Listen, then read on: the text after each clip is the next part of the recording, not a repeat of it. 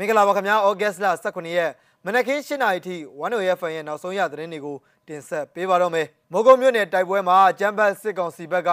6ဦးသေဆုံးပြီးထိခိုက်ဒဏ်ရာရရှိသူတွေများပြားတဲ့အကြောင်း PDF ကထုတ်ပြန်ထားပါတယ်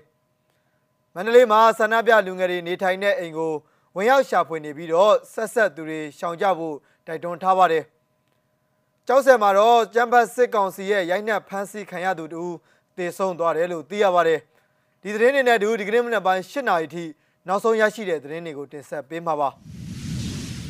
ပထမဆုံးအနေနဲ့တင်ဆက်ပေးခြင်းတဲ့သတင်းတစ်ပုဒ်ကတော့မိုးကုတ်မြို့နယ်ဟိုဝဲရွာအနီးပါလောင်ကျောင်းခန့်ကျေးရွာ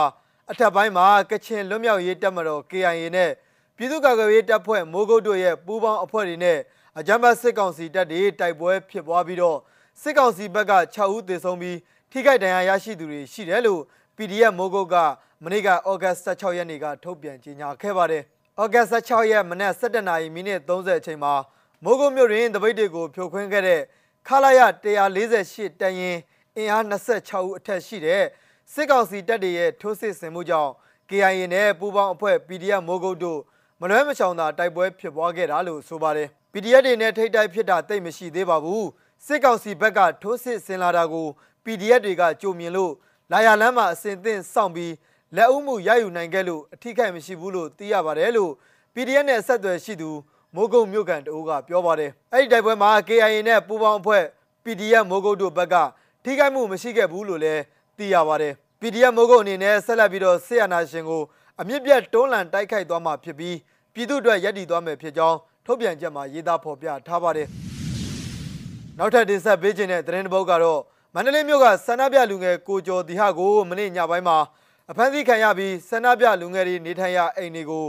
စစ်တပ်ကဝင်ရောက်ရှာဖွေမှုတွေလုပ်နေတယ်လို့သိရပါတယ်။မနေ့ညပိုင်းမန္တလေးမြို့မှာမိုးရွာနေပြီးစစ်တပ်ကဇက်တိုက်ဖမ်းဆီးမှုတွေလုပ်နေတာကြောင့်ဆန္ဒပြလူငယ်တွေလည်းတင်းရှောင်နေရတယ်လို့သိရပါတယ်။ကိုကျော်တီရနဲ့ဆက်ဆက်တဲ့နေအိမ်တချို့ကိုလည်းဇက်တိုက်ဝင်ရောက်နေပြီးနှီးဆက်သူများရှောင်ကြဖို့တပိတ်မှာပါဝင်သူတွေကဆိုပါတယ်။မန္တလေးမြို့မှာလူငယ်တွေကိုစစ်တပ်ကဖမ်းဆီးမှုဇက်တိုက်ပြုလုပ်နေပြီးတော့ ညပိုင်းမှာတနက်ပြစ်ဒဏ်ချို့လဲကြားနေရတယ်လို့မြို့ကန်ဒီထံကသိရပါတယ်။မနက်ပိုင်း၄နာရီကနေ9နာရီထိညနေ3နာရီခွဲကနေ6နာရီခွဲထိသာ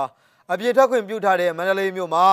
စစ်တပ်ကအရက်ဝိတ်အိမ်စီးကားတွေယူနီဖောင်းတွေဝတ်ပြီးတော့စစ်ကားတွေနဲ့ပါလက်နက်အပြည့်စုံတွေနဲ့လှည့်လည်နေကြတာဖြစ်ပါတယ်နောက်ထပ်သတင်းတစ်ပုဒ်အနေနဲ့ဩဂတ်15ရက်မနက်ပိုင်း10နာရီဝန်းကျင်မှာအကြမ်းဖက်စစ်ကောင်စီတပ်ဖွဲ့ဝင်တွေကဖမ်းဆီးခေါ်ဆောင်သွားတာကိုခံရတဲ့အသက်50အရွယ်ဦးတန်းစင်ဟာ ရိုက်နှက်ခံရတဲ့ဒဏ်ရာနဲ့တေဆုံးသွားတယ်လို့သူနဲ့ရင်းနှီးသူတွေကပြောဆိုပါတယ်ဦးတန်းစိန်ဟာကြောက်စံမြို့အနောက်ဘက်မှာရှိတဲ့ဒန်းနိုင်ကျေးရွာအုပ်စုကြောက်ဆောက်ကလေးကျေးရွာဒေသခံဖြစ်ပါတယ်စစ်ကောင်စီကမြို့သားဒီမိုကရေစီဖွဲ့ချုပ်ကိုထောက်ခံတဲ့သူတွေကိုလိုက်ဖမ်းနေတာသတင်းပေးတလန်ကြောင့်ရွာတွေကလူတွေရောအနီးနားကလူတွေရောရှောင်နေကြရတယ်သူကရက်ရွာရဲ့တက်ကြွစွာပါဝင်သူပါအုပ်ချုပ်ရေးမှုကသူ့နေအိမ်မှာပြန်ရောက်နေတာဆိုတာကိုစစ်ကောင်စီကိုသတင်းပေးလိုက်တာပါအဲ့ဒါကြောင့်အဖမ်းခံလိုက်ရတာ သူကမနေ့ကအိမ်ပြန်လာပြီးထမင်းစားပြီးလို့လက်စင်းနေတော့ရှိသေးတယ်ဆိုင်ကယ်လေးစီးနဲ့ဖမ်းခေါ်သွားတာအရက်ဝတ်တွေရောပါတယ်လို့သူနဲ့ယင်းဤသူအချို့ကမစ္စည်းမသတင်းဌာနကိုပြောပါတယ်သတင်းပေးတလန်လို့ယူဆရတဲ့သူတွေကအကြမ်းဖက်စစ်ကောင်စီတပ်ဖွဲ့ဝင်တွေထံကိုဩဂတ်စ်လပထမပတ်တွင်ကနိုင်ငံရေးတက်ကြွလှုပ်ရှားသူတွေရဲ့အကြောင်းကိုသတင်းပေးဖို့ခဲ့တယ်လို့ယူဆကြောင်းဒေသခံကပြောပါတယ်အဲဒါကြောင့်ဂျမ်ဘတ်စစ်ကောင်စီကကြောက်ဆယ်မျိုးအနောက်ဘက်မှာရှိတဲ့လက်ပံရွာတွင်ကိုဝင်ရောက်ပြီးအမျိုးသား၅ဦးကိုဖမ်းဆီးပြီးတဲ့နောက်မှာ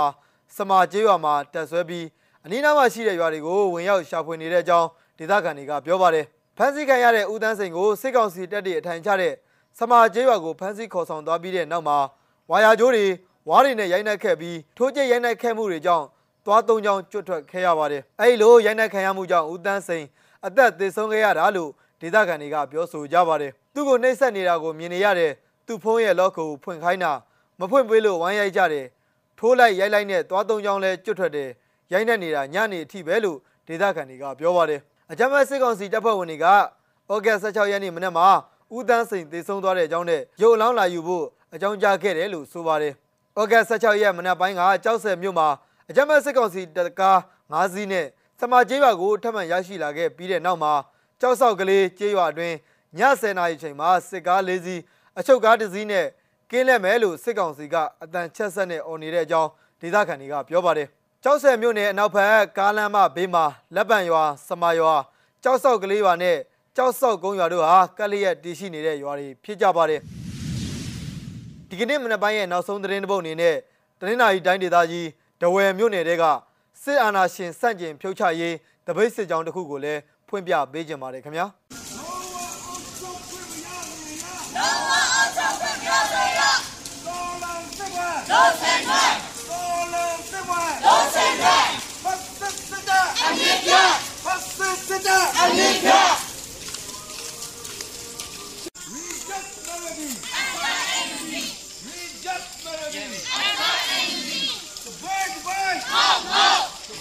bird.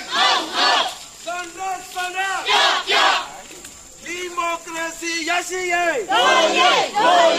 ဒီမိုကရေစီရရှိရဲ့။